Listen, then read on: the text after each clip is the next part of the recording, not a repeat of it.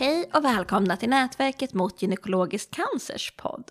I det här avsnittet kommer ni få möta min bror Johan och mig, Alexandra. Vi kommer tala om hur det är att vara barn till en älskad mamma som levde med äggstockscancer. Vi kommer tala om sorg, men också om gemenskap och känslor som aldrig försvinner. Häng gärna med!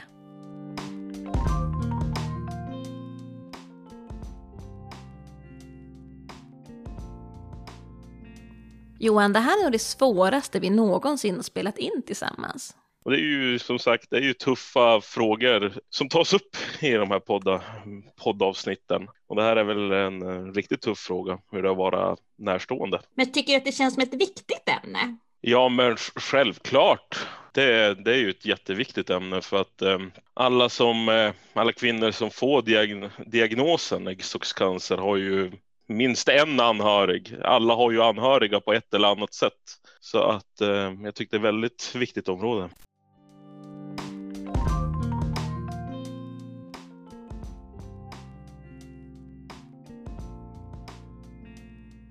Jag tänkte att vi skulle börja med att berätta hur det gick till när vår älskade mamma fick diagnosen äggstockscancer. Det var ju sommaren 2012 som vi fick veta att mamma hade äggstockscancer. Och under det gångna året hade ju inte mamma mått särskilt bra. Och hon hade sökt vård flera gånger på sin hälsocentral, men alltid kommit hem utan någon vidare förklaring till sina besvär. Men en dag så blev läget ohållbart, så vi hade inget annat val än att ta vår mamma till akutmottagningen. Och där blev vi kvar.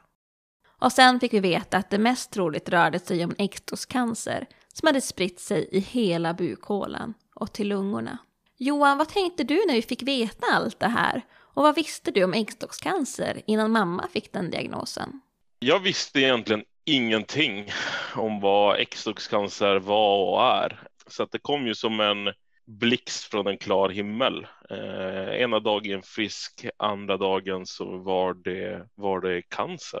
Som alltid med, med just ordet cancer så är det ju väldigt skrämmande. Så att eh, det var ju väldigt, det var ju en chock som blev eh, när man fick höra att det just var äggstockscancer det rörde sig om. Och vi var ju ganska unga när mamma blev sjuk. Du var ju, nu ska vi se, 23 år och jag var 20. Och vi båda stod ju väldigt nära mamma. Vi kanske stod nära henne på lite olika sätt. Och det hände ju mycket just den här perioden. Jag höll ju på att flytta till ja, men, Umeå för att plugga, där jag pluggade. Och du hade flyttat hemifrån med Malin som nu är din fru ganska nyligen. Så det var ju väldigt mycket grejer som hände just då. Och, men hur som helst, när vi hade fått veta att det mest troligt rörde sig om äggstockscancer och vi var ju då helt plötsligt i Umeå och vi var det ligger ju två timmar härifrån och det var en operation som vi hoppades väldigt mycket på. Vi hoppades ju på att man skulle kunna ta bort all synlig cancer, för vi visste ju då att det var väldigt viktigt för prognosen. Men vi hade ju också fått veta att bara operera henne var ganska riskfyllt. Eh, och vi var ju båda med mamma eh, hela den här perioden när hon låg inne i Umeå, som då är vårt närmaste universitetssjukhus. Och Johan, hur skulle du kunna berätta hur den första tiden med sjukdomen var och vad hade du för tankar där i början? Mina tankar, alltså kring att ja, men från, från ena dagen frisk till andra dagen så, så är det cancer. Och eh, när man fick, ja, men när vi började få veta vad som ska hända, vad som ska göras, det är operation, ja, men hur kommer operationen gå? Alltså många sådana här grejer kom ju upp i ens eh, en skalle. Eh, det var ju, jag tycker var väldigt nervös när man själv var där på, på sjukhuset. Den här ovissheten, och hur gick operationen? Fick de bort all synlig cancer? Hur gick allting? Det var väl det som var väldigt läskigt. Men sen när väl mamma kom eh, tillbaks från operationssalen och eh, läkarna pratade med oss så, så kändes ju allting betydligt bättre. I alla fall steg ett är klart tänkte jag. Operation. Men jag visste ju att det här kommer att bli en, bli en tuff och lång resa. Det hade jag känt på. Precis, jo, det tror jag vi alla hade liksom lite tankar kring att det här skulle bli väldigt en väldigt långdragen resa med mycket behandlingar och så. Själv så kände jag mig väldigt hoppfull för mamma hade ju mått ganska dåligt innan ja, behandlingarna började. Och jag tyckte att mamma blev otroligt mycket piggare när cellgifterna kom igång. Hon blev lite mer sig själv. Hur tyckte du att det var? Tyckte du att hon blev piggare? Jag minns ju att hon var ju väldigt trött och slut innan operation så var det ju, jag skulle absolut säga att ja, det blev ju som, och, och också, jag tror hon blev positiv, alltså vad ska man säga, det väcktes energi att de hade luskat ut vad det var som var fel med, med just mamma. Att det var just äggstockscancer som var boven. Ehm, så är det ju.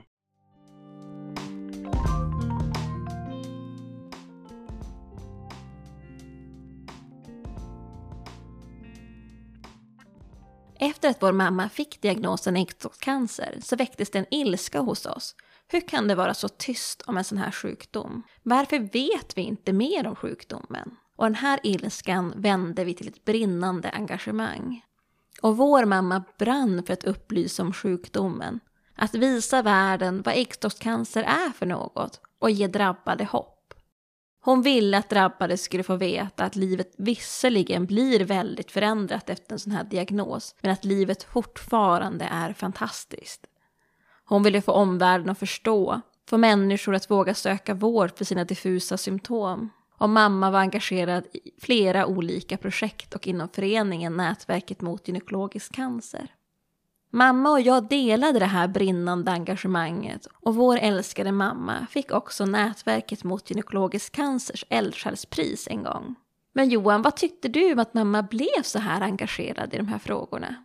Ja, alltså jag, jag tyckte det var jättehäftigt att som, eh, som sjuk, cancersjuk, för det första orka och framförallt det viktiga arbetet som, som gjordes eftersom att till exempel i, i det här fallet, jag visste ingenting, ingenting om den här cancersorten från ena dagen till, till den andra. Visste ingenting. Och det är ju fantastiskt bra att, att hon engagerade sig och informerade folk om, om den här cancersorten. För det är ju, även om man läser media, ena med det andra, så, så står det ju väldigt lite, eh, står ju väldigt, väldigt lite om, eller ingenting alls skulle jag nästan säga, om just den här cancersorten. Så att eh, alla kvinnor där ute som, som har fått den här informationen att det finns och vad, vilka symptom så, som, som den här cancersjukdomen har, att kunna besöka hjälp eller få hjälp kring, eh, kring sjukdomen så är det ju, jag tyckte det var magiskt att hon orkade med det. Mm. Ja, man hör ju det både, i, både hos dig och mig, vilken stolthet vi hade över mamma. Ja, absolut. Och mamma sa ibland att vi hade lite olika roller i familjen. Och hur känner du att vi har kunnat stötta varandra? Ja, visst har vi haft olika roller. Det, det, det, det har vi absolut haft. Du har ju väl kanske varit den eh, eldsjäl som har ja, men följt med mamma på den här resan på ett annat sätt än vad jag har gjort. Också det här med nätverket, all, allt det här jobbet som ni har gjort tillsammans. Ni har ju varit som familj och kollegor. Jag har ju mest haft status familjemedlem, eh, inte, inte kollega inom nätverket eller eh, de, de övriga frågorna så, som, eh, som ni har haft. Men jag har varit stöttande på, på mitt lilla sätt, självklart. Absolut. Och hur kände du att vi stöttade varandra? Till exempel jag och du och pappa och du. Och hur tyckte du att vi fanns där för varandra? Det viktigaste med allting är ju, är ju att kunna lyssna på varandra. Det är ju som egentligen A och O i allt och, och lyssna på hur, hur mamma mådde kanske för stunden eller, eller om hon var, ville prata om, om eh, ja men Eh, so saker kring sjukdomen eller saker utanför sjukdomen är ju absolut det, det viktigaste av allt. Att inte bara, bara vara cancersjuka Maria eh, utan prata om allt möjligt mellan himmel och jord. Men eh, sen har, har vi, jag är ju ganska djup inom, inom vissa saker som jag har mina intresseområden och hobbys. Så jag har ju pratat väldigt mycket om sådana saker och det existentiella och massa sådana såna delar vi har kunnat prata om allt mellan himmel och jord det har varit väldigt viktigt att kunna lyssna på varandra. Och där tog du också just på något viktigt också att inte bara vara ja, men cancersjuka Maria utan att hon fick ju kanske i dig eh, en fristad att kunna fokusera på allt annat nästan. Ja, det, det, skulle jag absolut påstå att jag var väl lite mer de, den personen. Men jag lyssnade gärna på allt de pratade om kring också sjukdomen. Men jag, jag försökte tänka utanför eh, sjukdomen så mycket som, som möjligt. Så, så är det ju. Mm. Och så fick du under den här tiden en dotter som heter Alicia. Och hon var ja. ju väldigt viktig för mamma. Ja, det stämmer, det stämmer. Du blev ju som hennes lilla ögonsten där. Kom ju där eh, hösten 17. Det förändrade ju eh, både, både mitt liv och eh, även mammas liv på ett helt annat sätt. Så att det var ju också en, en, eh, en grej att kämpa för, tror jag också, för, för mammas del. Att de ville följa med så, så länge som möjligt i Alicias eh, utveckling. Från barn till, eh, till eh, ja, men, hela den resan. Finnas med så länge som det bara gick. Ja, ja. exakt, exakt, exakt. Så det var drivkraft skulle jag säga också.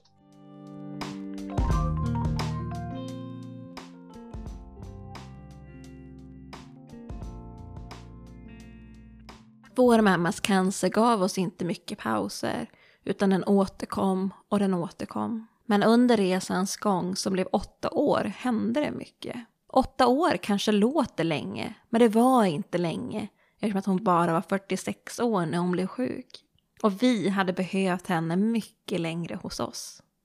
Under den här tiden kastades vi flera gånger mellan hopp och förtvivlan. Någon behandling funkade bra, någon annan behandling funkade mindre bra, flera tarmvred och livshotande sepsisar. Ja, mamma fick vara med om mycket. Jag tyckte det var viktigt att vara med på allt jag bara kunde vara med på. Exempelvis läkarbesök, cytostatikabehandlingar och när hon var inlagd sov jag över på sjukhuset. Jag försökte följa med i allt det medicinska och kunna stötta där. Jag lärde mig till exempel att ge morfinsprutor, lägga om sår. Ja, allt för att kunna underlätta för mamma och för vår vardag.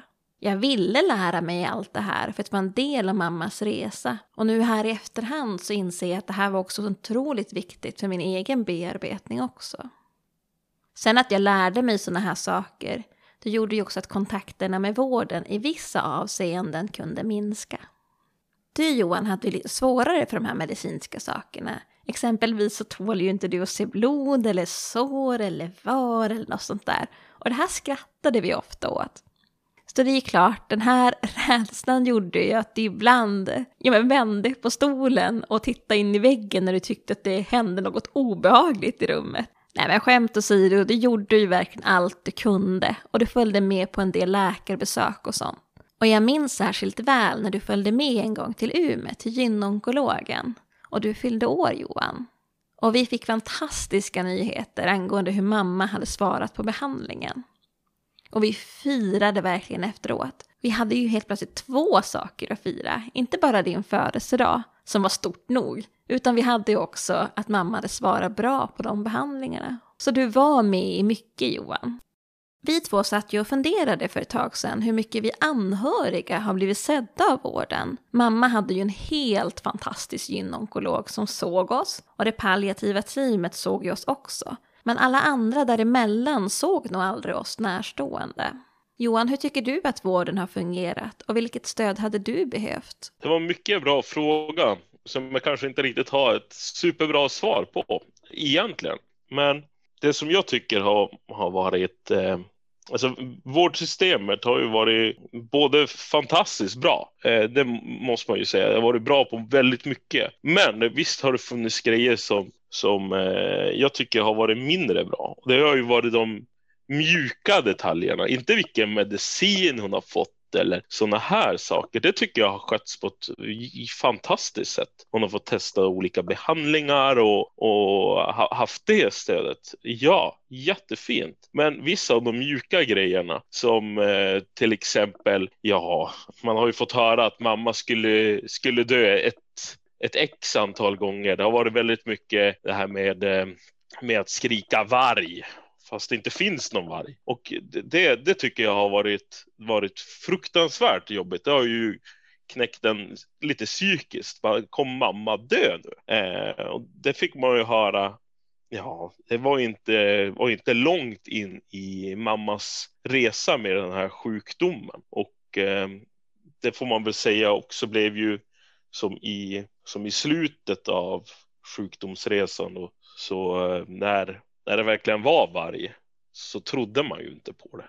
Det tycker jag var, var det tuffaste. Det var ju mycket det här vi kastades mellan hopp och förtvivlan. Men man kunde ju få höra att nu går det här jättebra och det här tarmvredet löser man till exempel och sen i nästa sekund var det nej men var beredda på det värsta. Det är mycket som du säger, att det var lite varg ganska många gånger. Ja, ja men absolut, absolut. Så det är ju, det är ju de grejerna som, som jag, jag tycker har funkat, funkar dåligt. Det är ju från min synvinkel. Men eh, jag vill bara poängtera att de andra sakerna, de icke-mjuka grejerna som har med medicinering och sådana grejer har ju funkat, funkat väldigt bra. Eh, det, det, tycker jag.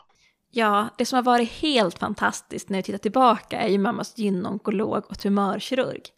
Vi hade ju turen att få ha samma gynonkolog och samma tumörkirurg i princip hela tiden. Och då har ju de fått följa med oss i både glädje och i sorg. Och personligen tror jag att utan mammas gynonkolog hade inte den här resan varit möjlig. För hur hon svarade på våra frågor kring mediciner och behandlingar och studier. Och hon fanns där som det bästa och ödmjukaste bollplanket. Ja, alltså den människan. Alla som tyvärr blir sjuka i äggstockscancer borde få ha en gynonkolog som vår Kristina Aglund. Proffsigare och bättre läkare hade vi aldrig kunnat få. Sen var vi också otroligt nöjda med det palliativa teamet som vi snart kommer att berätta mer om. Och vi var ju också så otroligt nöjda med de sjuksköterskor som jobbade på cytostatikaenheten. Vilka varma och goa människor. Men det fanns ju saker som du nämnde som vi var sisådär nöjda med också. Det var ju bland annat att när mamma behövde läggas in så lades hon in på vår närmaste gynavdelning och den sitter ihop med BB. Och vi tyckte att det var jobbigt att hon lades in på en gynavdelning eftersom att varje gång hon blev inlagd så blev hon inlagd på grund av det som klassificeras som kirurgiska besvär, till exempel tarmvred.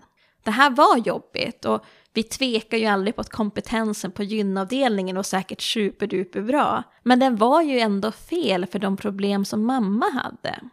Så vi fick alltid vänta på att kirurgkompetensen skulle pallra sig över till vår avdelning. Sen är det ju så att vår gynavdelning sitter som sagt ihop med BB. Det betyder ju att vi har samma fikarum. Och det tyckte jag var otroligt besvärligt och jobbigt att mitt i den här cancerdimman, ja men då skulle jag sitta och ta min kopp te tillsammans med nyblivna, förhoppningsvis väldigt lyckliga föräldrar. Och det här är ju en liten stad, så man var ju som tvungen att prata och vara glad för deras skull, vilket jag förstås var. Det är ju alltid roligt när ett liv kommer till. Men samtidigt, jag var ju där för att jag var orolig och rädd för min mamma. Min mamma var ju svårt sjuk. Och vi var ju liksom i en cancerdimma. Så det där tyckte jag faktiskt var lite etiskt jobbigt. Och det här har vi kunnat prata med berörda verksamhetschefer om. Men tyvärr så ser det nog fortfarande ut så här på vår närmaste gynavdelning, att liksom gynavdelningen och BB sitter ihop. Men som jag har förstått det så delar man inte fikarum på samma sätt längre.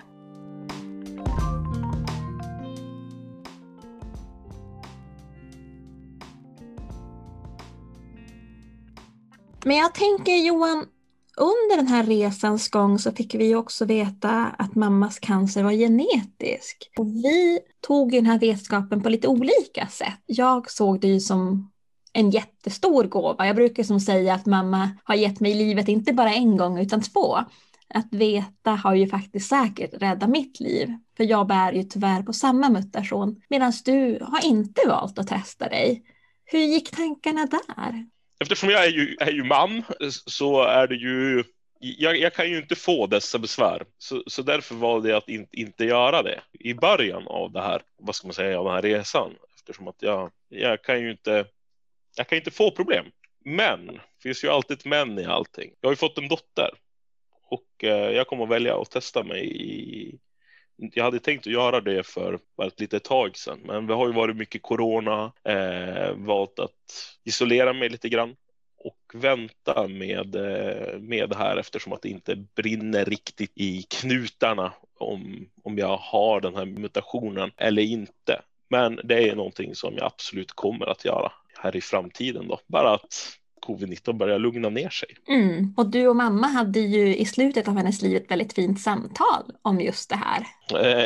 Jajamän, det hade vi. Hon ville ju att jag skulle ta, ta och testa mig och jag sa ja absolut, kan jag göra det? Och eh, hon ville vara med när, jag ringde till, eh, till sjukvården och eh, absolut, jag ringde hon var där och berättade att jag var intresserad av att, att testa mig för just den här mutationen. Och eh, jag har haft en dialog med, med sjukvården om det och fått papper. Så att egentligen för min del är det ju att ta ett blodprov. Så, så det är på gång som sagt. Och mm. det har jag mm. lovat min mor att göra och jag kommer att fullfölja det löftet. Ja, och det där var ju, alltså man såg ju efter ni hade haft det där samtalet vilken lättnad mamma hade. För det är klart hon förstod ju att du är kar och det kanske inte spelar dig så mycket stor roll. Men hon tänkte ju på ja, lilltjosan Alicia och hur hennes framtid skulle vara och så. Ja, men, nej, men eh, exakt. Det, det, är ju så. Jag, jag, jag kommer ju inte att få få problem med, med mig själv. Men jag kan ju inte vara självisk i den frågan, utan eh, det är ju då min nästa generation som, som kan få, få den här mutationen. Så att eh, därför är det väldigt viktigt att jag testar mig. Mm, absolut. Och jag tänker Johan, hur känner du inför att ja, men det här var ärftligt, din syster bär samma genmutation. Har du haft några tankar kring det? Nej, det har jag faktiskt inte haft eftersom att du gjorde åtgärd. När du väl fick veta att du hade mutationen så, så gjorde du ju åtgärd egentligen direkt. Det här med, med den operation du gjorde. Så jag har inte reflekterat egentligen så mycket, så mycket om det. Men eh, det vill jag, tänkt, jag har tänkt att ja, men du har gjort de operationerna, du är, du är säker nu. Det är väl lite så, så jag har tänkt. Du har gjort det du kan göra. Så det är väl lite, lite, så. Precis, jag hoppas att det är så jag lyckas förmedla det också. Att det, är liksom... Mm, det är så du, du har förmedlat det. Så att, eftersom att jag är inte lika påläst som, eh, som du är kring, kring vissa av de här sakerna så tar jag det du har sagt som full trust eller vad man nu ska säga. Jag litar till 110 procent på, på de orden. Så jag känner mig väldigt, väldigt trygg i den båten. Ja, absolut. Det ska du göra.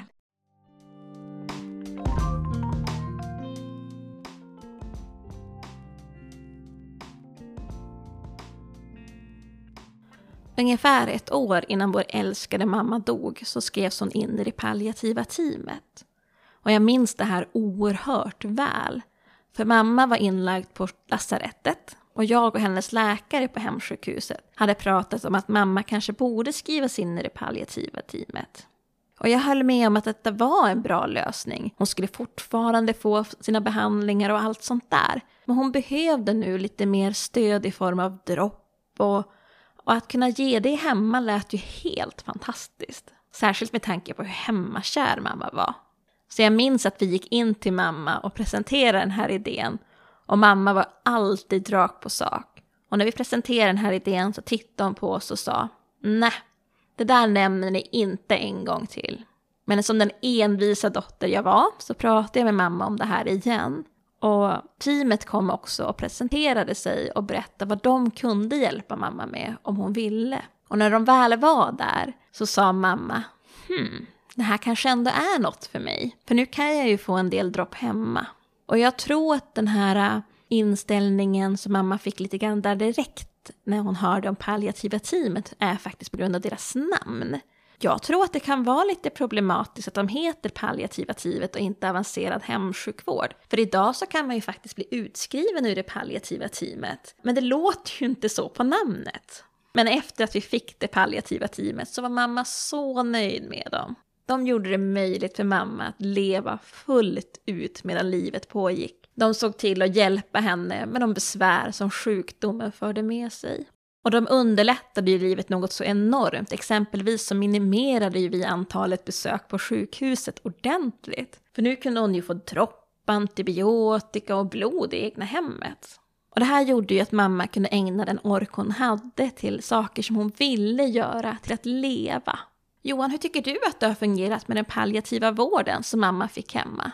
fantastiskt bra att det ens finns det erbjudandet. Att kunna få den vården som mamma fick där hemma. Eftersom att mamma ville ju det. Hon ville inte vara på, på sjukhuset. Hon ville ju vara hemma. Hon trivdes ju så bra hemma och fick den, fick den möjligheten och den hjälpen. Och eh, vilka eldsjälar det var inom det teamet. Wow, skulle jag säga. Jättefina människor gjorde verkligen allt. Det spelar ingen roll vilken, vilken tid på dygnet det var. Jag tyckte det var en fantastisk möjlighet att få den hjälpen. Mm, precis. Det, var, det underlättade verkligen för oss. Ja, absolut. Absolut. Det underlättade framförallt mest för mamma. Att slippa fara in på sjukhuset, vara där ett tag, kanske komma hem ett tag. Eh, det här flängandet och springandet. Det är inte så roligt när man är sjuk att fara mellan olika platser för att få, få den hjälp nu som mamma kunde få i hemmet. Och jag tror också att det var som när hon fick den här hemsjukvården som vi också som närstående blev sedda. Jag vet ju att pappa fick ju, han pratade ju med dem, de såg ju honom, frågade hur han mådde, hur jag mådde och hur du mådde. De frågade ju upp mycket om Alicia och sådär. Så det kanske var först då man verkligen, även om man annars tidigare också hade fokuserat på hennes sociala liv och så, så kanske det var här vi faktiskt fick lite utrymme. Ja, jag, jag är helt beredd på att hålla med eftersom att sjukvården i sig är ju väldigt inriktad till den individ som är sjuk. Kanske inte så mycket kring anhöriga. Det, är, det här är min upplevelse eh, i det hela. Men däremot när man fick hemvården, eller när mamma fick hemvården, så ja, men man kom ju i närhet på ett helt annat sätt och fick de här frågorna och fick, eh, blev ju faktiskt synlig. Det finns faktiskt en familj också. Det finns familjen Andersson och inte bara individen Maria. Mm. Och det var ju så fantastiskt också med hemsjukvården för det gjorde ju det möjligt för henne att ja, men resa och fiska och få på bingo och allt sånt där som hon faktiskt tyckte om att göra. Ja men absolut, absolut.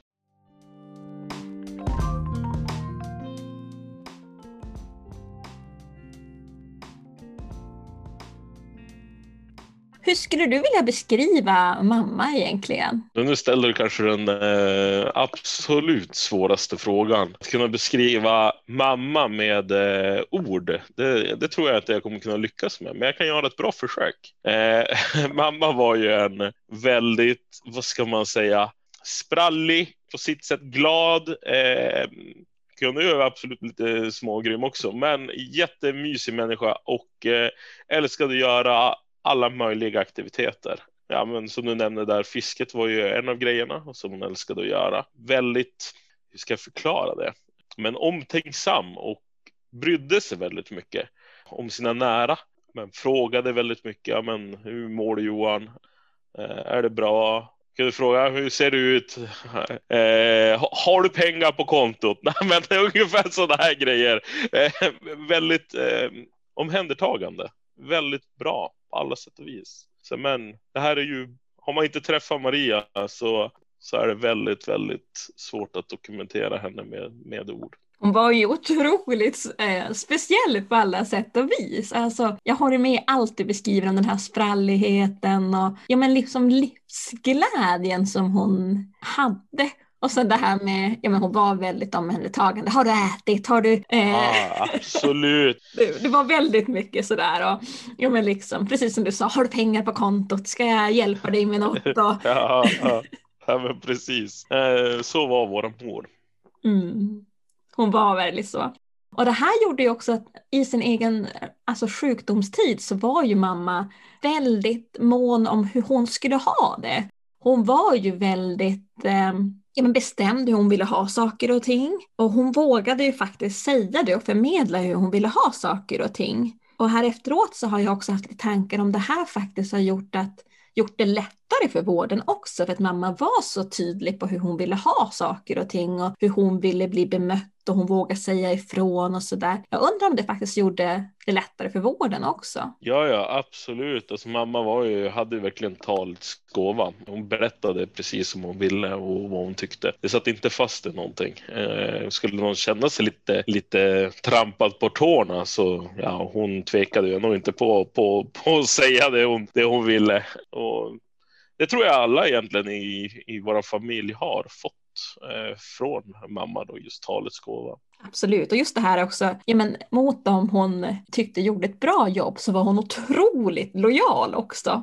Ja, självklart och lyfte verkligen. Jag minns ju att hon lyfte ju verkligen de i vården som hon tyckte gjorde bra saker. Eh, jag berättade att jag hade varit lite missnöjd med gynavdelningen, men då fanns det ju några riktiga eldsjälar där. Då lyfte hon upp dem i en debattartikel och visade vilken problematik de har. Hon skrev brev till det palliativa teamet och berättade hur tacksam hon var för den vården. Så hon var väldigt noga också på att säga vad hon tyckte funkade bra också. Ja men absolut, absolut. Det var ju både kunna alltså, ge positiv feedback och även det, det som inte funkade. Och det, det, är ju det som är det viktiga. Hur kan man, hur kan man bli bättre på, se, på sin profession om man inte kan få just eh, den konstruktiva feedbacken och eh, även det som absolut inte funkar. Så mamma var ju väldigt duktig på att säga precis vad hon tyckte.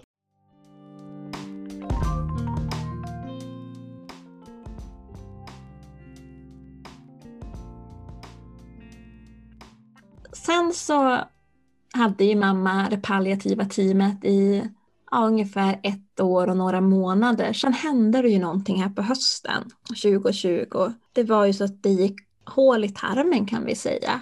Och det var ju början på slutet för mamma. Och vi hade ju då ett väldigt fint samtal med palliativa teamet då gynonkologen var ju med hela vägen med diskussioner och så. Men just det här samtalet hade vi då med mammas palliativa läkare och sjuksköterskan som var ansvarig i palliativa teamet. Minns du det här samtalet Johan? Jag minns det mycket väl som det var igår. Mm. Och vad tyckte du om det samtalet? Det var ett väldigt tufft samtal. Jag måste vara ärlig, jag förstod inte egentligen helt allvaret på saker och ting innan eftersom att det jag berättade tidigare då om det här med folk skriker varg så, så hade jag inte förstått allvaret. Men när man väl satt där och hade de här djupa diskussionerna och eh, när de berättar liksom att ja, vi, vi har sett kurvan och det ser inte så ljust ut. Det var väl ungefär där jag förstod att amen, det här är på riktigt. Liksom, att nu, det, här, det, här är, det här är inget bra.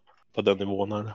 Och vad väckte det för tankar hos dig? För du sa ju, att du, inte, du sa ju det att du inte riktigt hade förstått hur dålig mamma var. Nej, jag hade väl kanske inte riktigt gjort det. Alltså man har ju hela tiden, jag menar alltid, eftersom att hon har varit i väldigt tuffa situationer med, med just det här, med det här sjukdomsförloppet och genom åren så har det ju varit, ja men det var ju en gång 2019 på hösten där, där det var väldigt, väldigt dåligt. Eh, då var det ju väldigt livshotande har man ju förstått och kanske lite i efterhand. Men eh, de har ju repat sig varje gång. Så man har ju alltid tänkt så att ja, men det här är en liten svacka.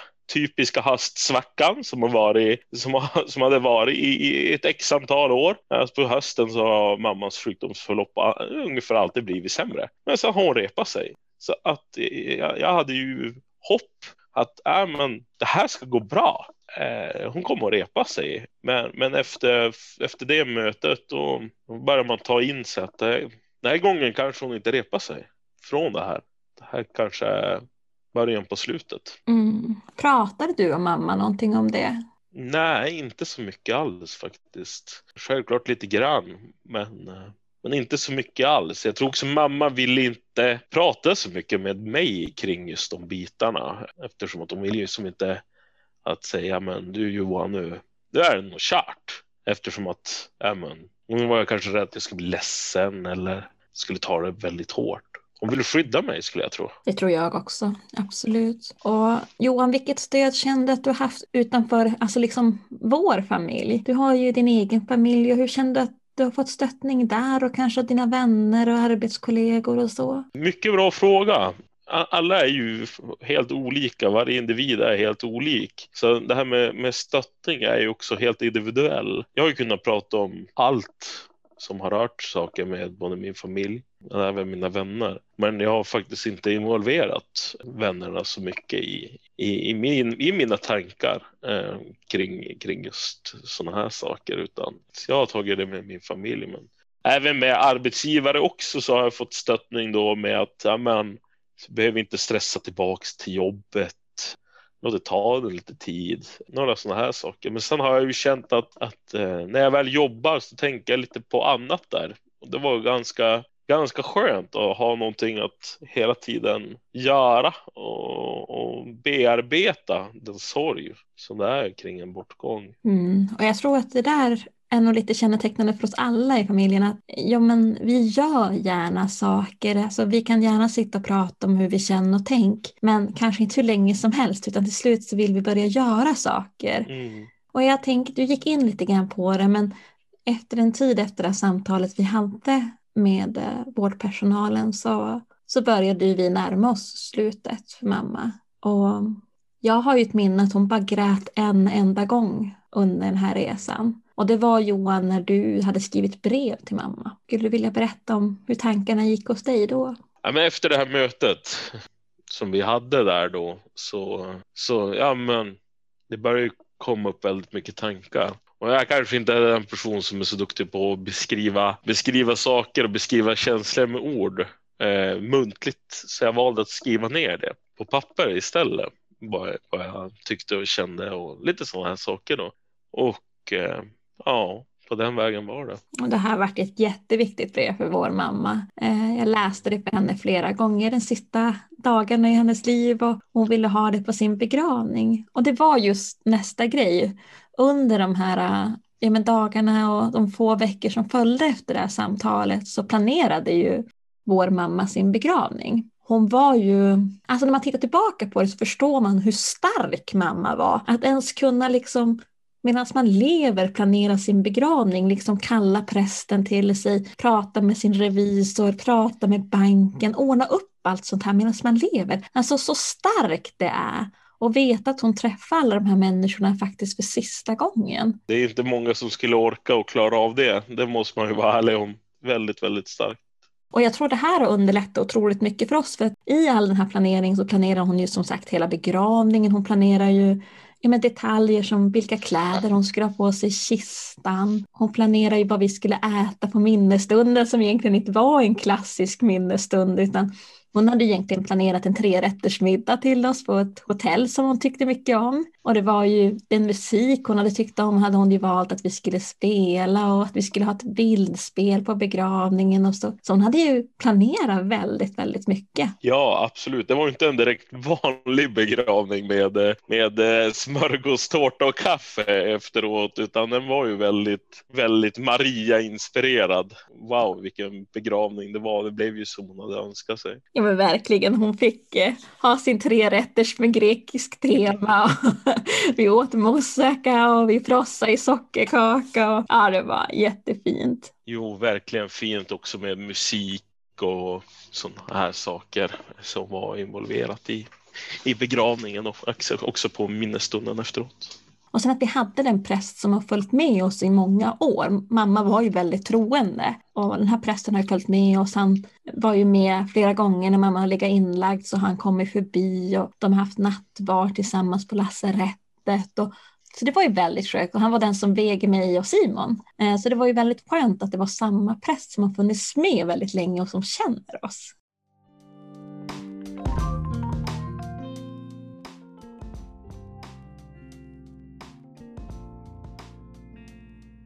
Men jag tänkte att vi skulle fastna lite grann kring det här som faktiskt hände när mamma gick bort. Och det gick ju otroligt fort där i slutet. Ja, det gick sanslöst fort. Man hängde inte med. Nej, för på torsdagen där så hade ju din dotter kommit till mamma. Jo, vi var ju på besök där på torsdag afton då. Och det var ju ni där, du och din man och, och så.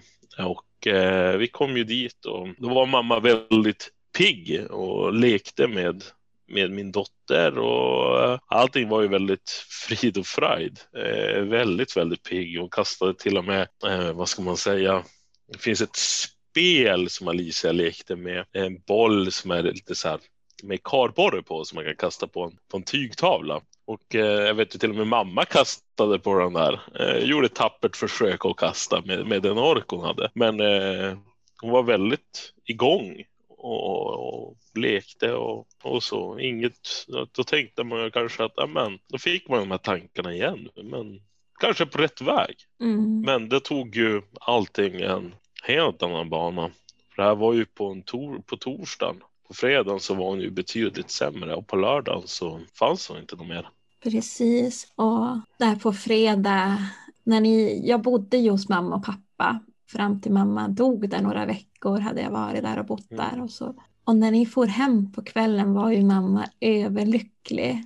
Sen när vi vaknade på morgonen därefter då hade hon haft en jätte, jättejobbig natt. Men hon kunde inte riktigt beskriva hur den hade varit jobbig utan det var nog en känsla i kroppen beskrev hon. Och under fredagen där vart hon ju väldigt trött. Eh, och du var ju med hela den dagen och vi tog ju en promenad jag och du och ja, men vi pratade om det som kommer att hända. Som vi såg var nära att hända. Hur kändes det att vara där på fredagen Johan? Ja, alltså det går ju inte heller att beskriva med ord på, på ett bra och på bra sätt. Vi var ju som sagt där på torsdagen och då var ju mamma förhållandevis väldigt, väldigt pigg. Och nästa dag när jag kom där på morgonkvisten så eh, när före lunch så var det ju en helt annan mamma. Hon var väldigt trött, hon var slut, vilade. Vi gick ju på vår promenad där och pratade om vad, vad som kan hända. Men ingen av oss kunde liksom veta vad, vad som egentligen var på väg att hända. Vi, vi trodde ju ändå att de kanske skulle hämta sig lite grann för det här, att det inte var, skulle vara slut nästa dag. Men det var väldigt tufft. Det var väldigt, väldigt tufft att se den kontrasten framför allt. Från att vara så pigg till att vara så, så slut som hon var. Ja, det var, det var en enorm kontrast där och jag vet ju på fredag morgon kom ju den palliativa läkaren och en sjuksköterska till oss och sa att det är nog inte lång tid kvar nu. Och mamma var ju ändå klar. Hon var ju klar där och på fredagen så var vi två Johan och fixade mat. Men hon var själv med min make Simon mm. en liten stund och då hade Simon frågat henne vad hon drömde om. Och då hade hon sagt att hon drömde om änglar. Och det här fick inte jag veta av mamma eller Simon först några veckor efter mamma hade dött. Och jag tror att det här handlade mycket om att skydda oss, att hon visste att hon var på väg. Hon sa det ibland att hon var på väg, men det här kanske var så otroligt tydligt där på fredagen att det var jättenära. Och det ville hon nog skydda oss ifrån. Ja, ja men det tror jag absolut. Och där på fredagen så for du hem på kvällen och då satt jag, mamma och Simon och såg film och mamma sov ju då. Och sen under natten där mot lördag så hade vi vårt sista längre samtal där vi berättade hur mycket vi älskar varann och hon berättade att hon är på väg att lämna och sådär att vi ska ta hand om varandra och sådär. Och det, man, det hon gjorde då, hon andades ju väldigt, väldigt tungt. Eh, men man förstod nog ändå inte att det var så nära som det var. Och jag vet att jag frågade om om hon ville att vi skulle ringa dig där på natten, om hon ville att du skulle komma. Då sa hon, jag tror att han behöver sova för det kanske blir en tuff dag imorgon. Och hon hade ändå lite galghumor kvar för då sa jag, det var ju lördagen där, alltså natten mot mm. lördag var ju det här. Och lördagen var ju allhelgona afton. Och då vet jag att jag sa till mamma, ja det verkar ju som att du ska dö under allhelgona. Och då hade hon ju lett lite snett och sagt att hon måste markera helgen med besked. Och det var lite så hon var, hon hade lite galghumor även in i slutet. Och sen där på lördag morgon så kom ju du.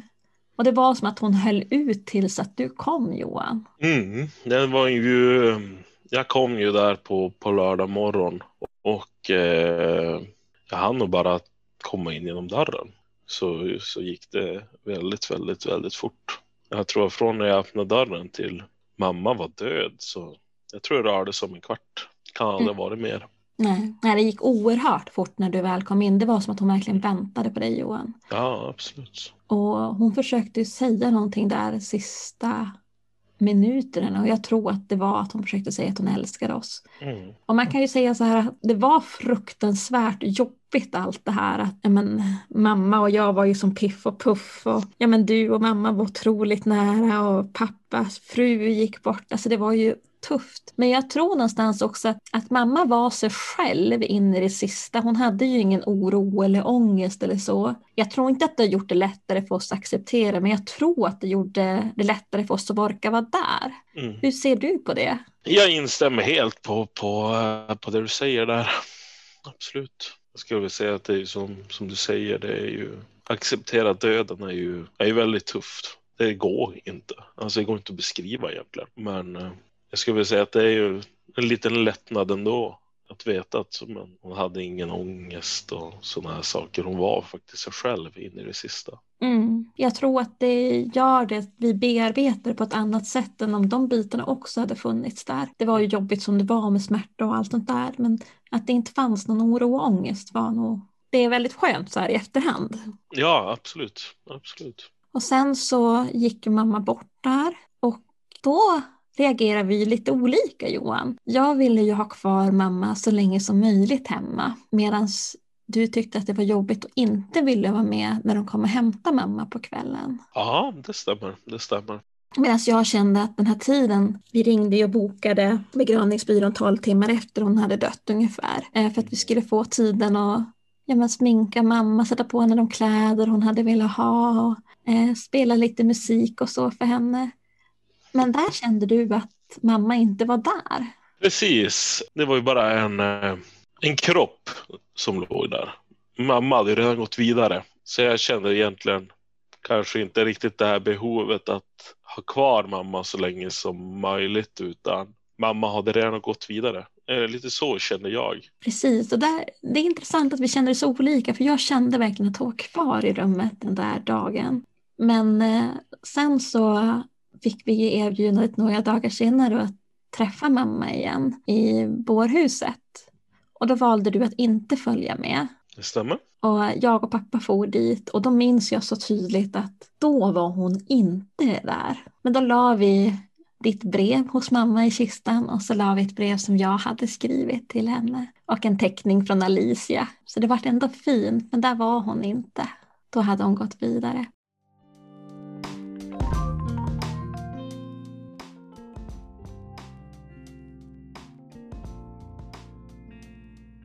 Men Johan, vilket stöd kände du att vi fick från vården efter mamma gick bort?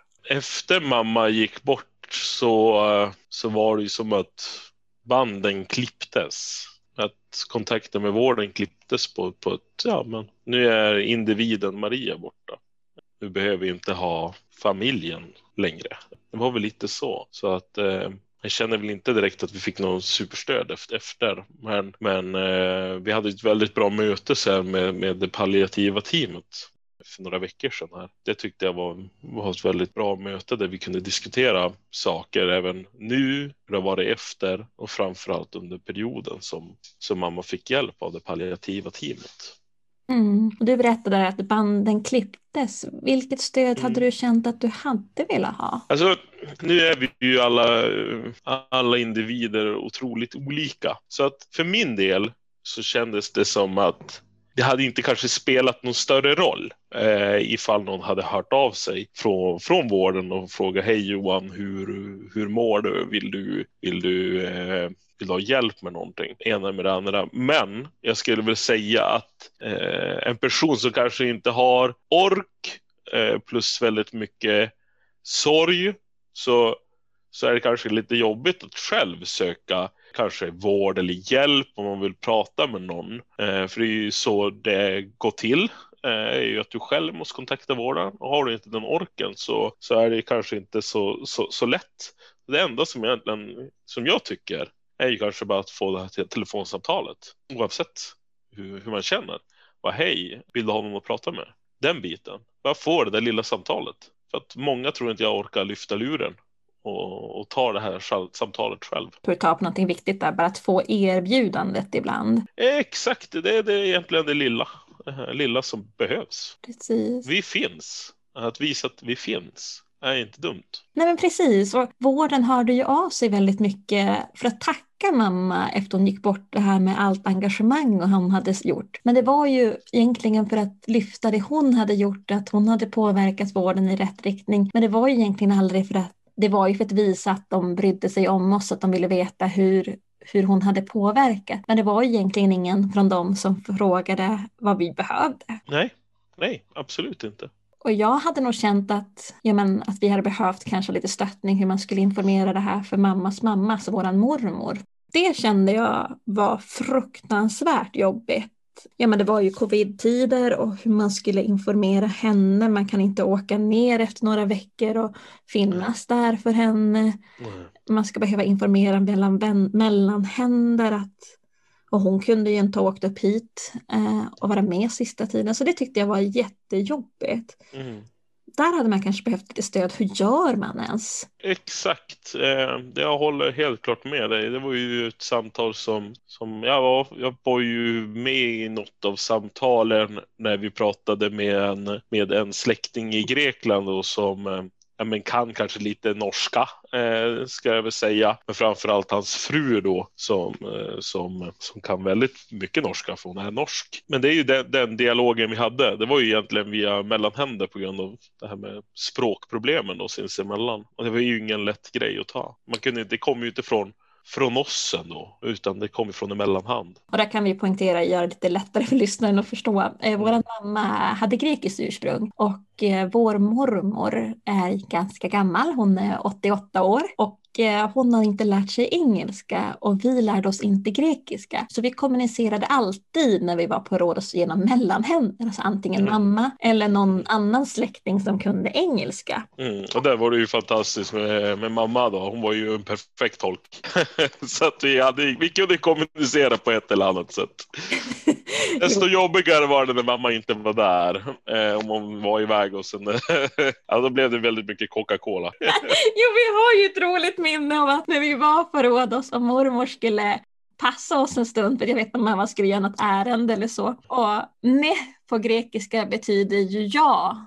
Och eh, hon började servera oss Coca-Cola och så kom hon ju gång på gång på gång. Och vi sa ju nej, nej, vi vill inte ha något mer. Och det vart ju mer och mer i våra glas hela tiden. Minns du det Johan? Ja, precis. Vi försökte ju uttrycka oss med det norrländska. Nej, nej, nej.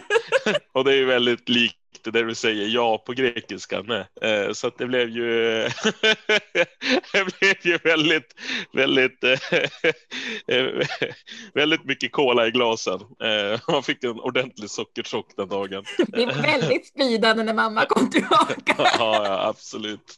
Nej men alltså bara sådana här grejer har varit lite tufft efteråt att liksom ge den informationen. Sen var det ju alltid när någon faller bort så blir det ju mycket pappersexercis och då kan man tycka att det kanske inte borde ha blivit så mycket för att mamma redan påbörjade allt det här medan hon levde men det vart ändå extremt mycket. Ja det blev ju att göra om allt på nytt helt enkelt för det. Och där tog ju pappa ett enormt ansvar för det. Och man tänker så här att mitt i all sorg ska man behöva grotta ner sig i papper papper och man har en plan, alltså begravning att planera. Och vi fick ju en lite speciell begravning eftersom att det var coronatider. Så kunde vi vara 50 stycken, för det var just innan rekommendationen att man skulle vara 20. Men om man tänker på det umgänge mamma hade så var ju det här ingenting.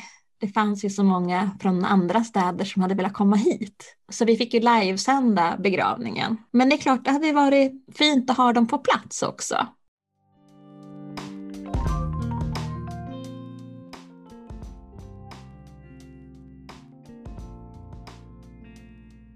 Men Johan, hur, hur känner du idag? Nu är det ju ett par månader sedan mamma gick bort. När du tänker på mamma idag, hur tänker du då? Ja, det var en väldigt bra fråga. Men eh, minnena kommer ju alltid vara kvar så länge jag lever. Man försöker minnas tillbaks på, på allt roligt och trevligt som vi har gjort tillsammans. Så är det ju. Och eh, försöker tänka bortom sjukdomen tycker jag är kanske det viktigaste. Eh, och bara, ja, så i, i, mina tankar så är det ju, är det ju bara det positiva som, som kommer upp i, i talande stund. Jag känner att man blir så lite översvämmad av känslor. Det kan komma så på konstiga ställen och liksom så här, att helt plötsligt börjar man tokgråta när man liksom ser ja, men något på tv eller Ja, ja, jag instämmer helt på den, på den frågan. Försök inte titta på en Disney-film kan jag ju säga.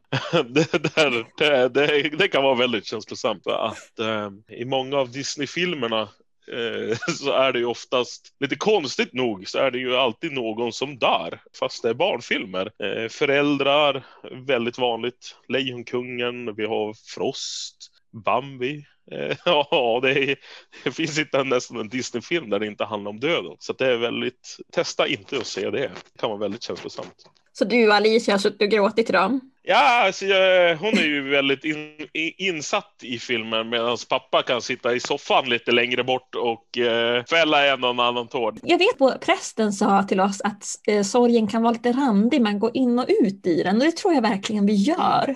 Det skulle jag absolut säga. Det stämmer väldigt överens. Jag tänkte inte så på mycket på de orden då, men ju längre tiden har gått så så måste jag faktiskt säga att uh, de orden var, är väldigt sanna. Ungefär så är, är, i alla fall för min del, så är sorgen så. Den är väldigt randig. Svart och vit skulle jag säga. Finns inte riktigt den här gråskalan. Och man hoppar verkligen in och ut hela tiden i den. Ja.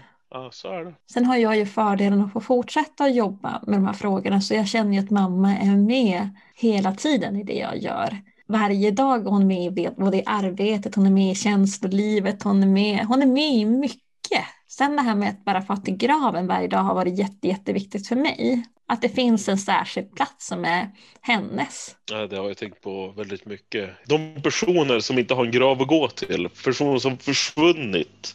Vi säger den här färjekatastrofen, eh, Estonia till exempel kropparna är ju fortfarande kvar i vattnet. Det måste vara ofantligt tufft att inte ha en, ha en plats att kunna gå till sörja. Att det är ingenting som är under gravstenen till exempel. Men sen vet jag ju om att mamma är ju inte, är ju inte där. Hon är ju någon annanstans. Det är, det är bara en kropp som ligger under mark. Så jag kanske inte haft riktigt den, den känna att jag måste fara till, till graven för att uttrycka min sorg och mina tankar utan det kan jag göra var jag än är.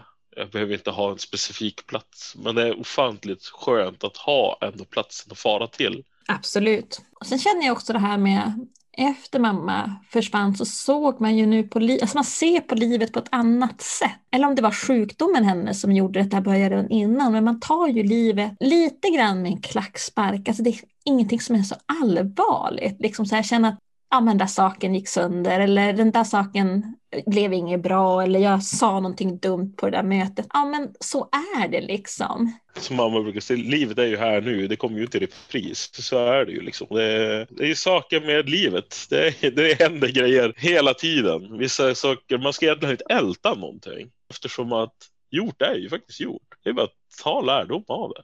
Och njuta av den tiden man väl har. Eh, det skulle jag väl absolut säga.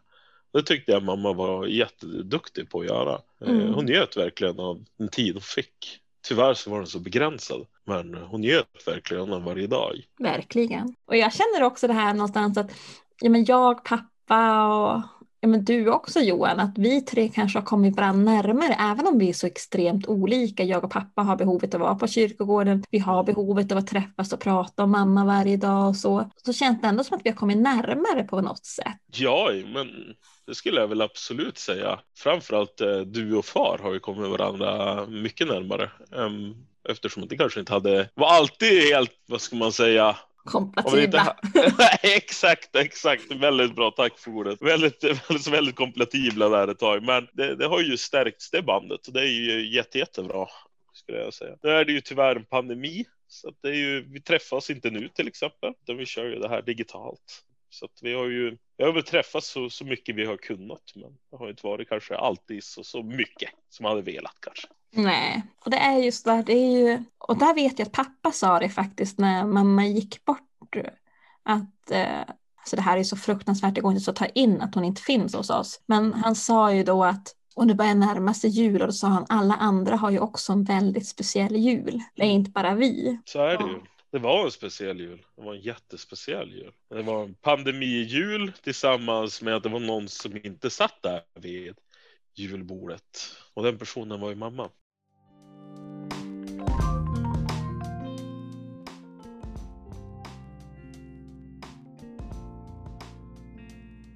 Men vad skulle du vilja säga till andra närstående? Är det något budskap du vill skicka med till dem? Jag skulle kunna prata om det i, i säkert flera timmar till, men, men jag ska försöka göra det så kortfattat som möjligt.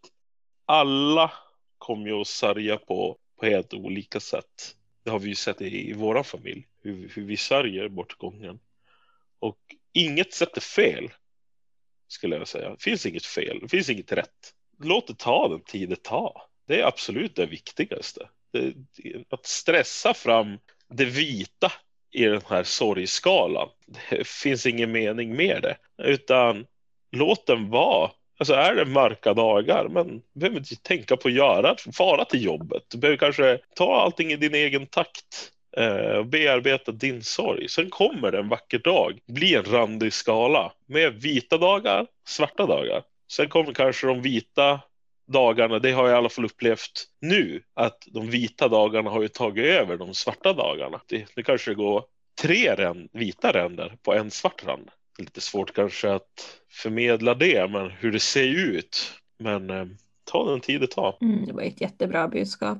Man är aldrig klar med sorgen. Det kommer vi ha med oss hela livet. Ja, men så är det ju. Det är ju en person som alltid kommer att finnas i våra tankar. Men kommer aldrig att finnas som en fysisk person igen. Det har du alldeles rätt i. Sen tror jag också det här med att, ja, men, att man ska tillåta sig, det du sa, att man liksom ska tillåta sig att ha alla känslor. För att alla känslor som vi känner är okej, annars skulle vi inte kunna känna dem. Det tror jag också är väldigt, väldigt viktigt. Men du Johan, du berättade innan vi körde den här poddinspelningen att ibland är ett av det tyngsta det här att inte kunna ringa mamma. Ja, men det, det är jättetufft. Vi hade ju en sån relation. Vi pratade egentligen om, om allting med varandra och tog det här samtalet. Ja, men hur mår du? Ena med det andra. Och framförallt så händer ju saker i ens liv. Det kommer glädjande nyheter som man vill verkligen bara ringa till mamma och berätta bara det här har hänt. Och reaktionerna alltid på de samtalen när det var någonting var ju alltid, hon blev ju så överlycklig. Om vi säger att det hade gått bra på jobbet eller någonting, eh, vad som helst. Så var hon ju så superstolt och superglad att inte kunna ta de samtalen det är, det är tufft. Det är jätte, jättejobbigt. Man får förmedla sig på helt olika sätt än vad man är van med. Just det här med att kunna ringa. Alltså det känner jag igen också så här att man kokar över pastan. Hur tusan gör jag nu då? Då har man ju alltid ringt mamma. Jag minns vid jul när man skulle baka hallongrottor. Kan man liksom använda pappersformar istället för de andra formarna? Och liksom, ja, man, man har alltid ringt mamma i alla de lägen. Ja men absolut, så är det ju. Och det händer ju även om livet är lite jobbigt just nu så händer det ju ändå saker. Det, det fortgår ju. Det finns ju så mycket man skulle vilja förmedla till henne. Mm. Ja, men så är det ju. Det har ju hänt mycket sen, sen eh, mamma gick bort som man önskar man hade kunnat förmedla på ett annat sätt. Men jag tror hon ser, ser stolt på oss ändå. Och jag tänker på hur hon ser på oss att vi har gjort det här poddavsnittet. ja, det också. hon, hon tycker nog att vi har gjort det bra. Jo. Hoppas jag. Eller hon har ja, säkert åsikter om det i alla fall. Ja, men precis.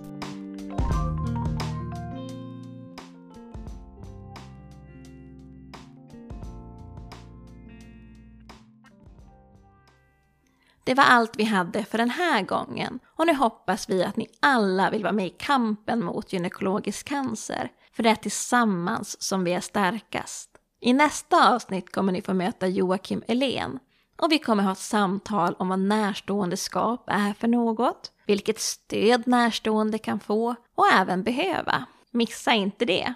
Och tveka inte att ge mig eller hela föreningen feedback. Och det kan ni göra via mail och då är det info gyncancer.se eller så kan ni kontakta oss på våra sociala medier. På Facebook heter vi Nätverket mot gynekologisk cancer och på Instagram heter vi gyncancer.se. Vill ni komma i direktkontakt med mig? Kanske har du förslag på ett annat poddämne som du vill att vi lyfter upp? Ja, då finns jag också tillgänglig på mejl. Och det här är alexandra.gyncancer.se. Då säger vi tack så länge och ni där ute, ta hand om er och var snälla mot er själva. Ha det så gott!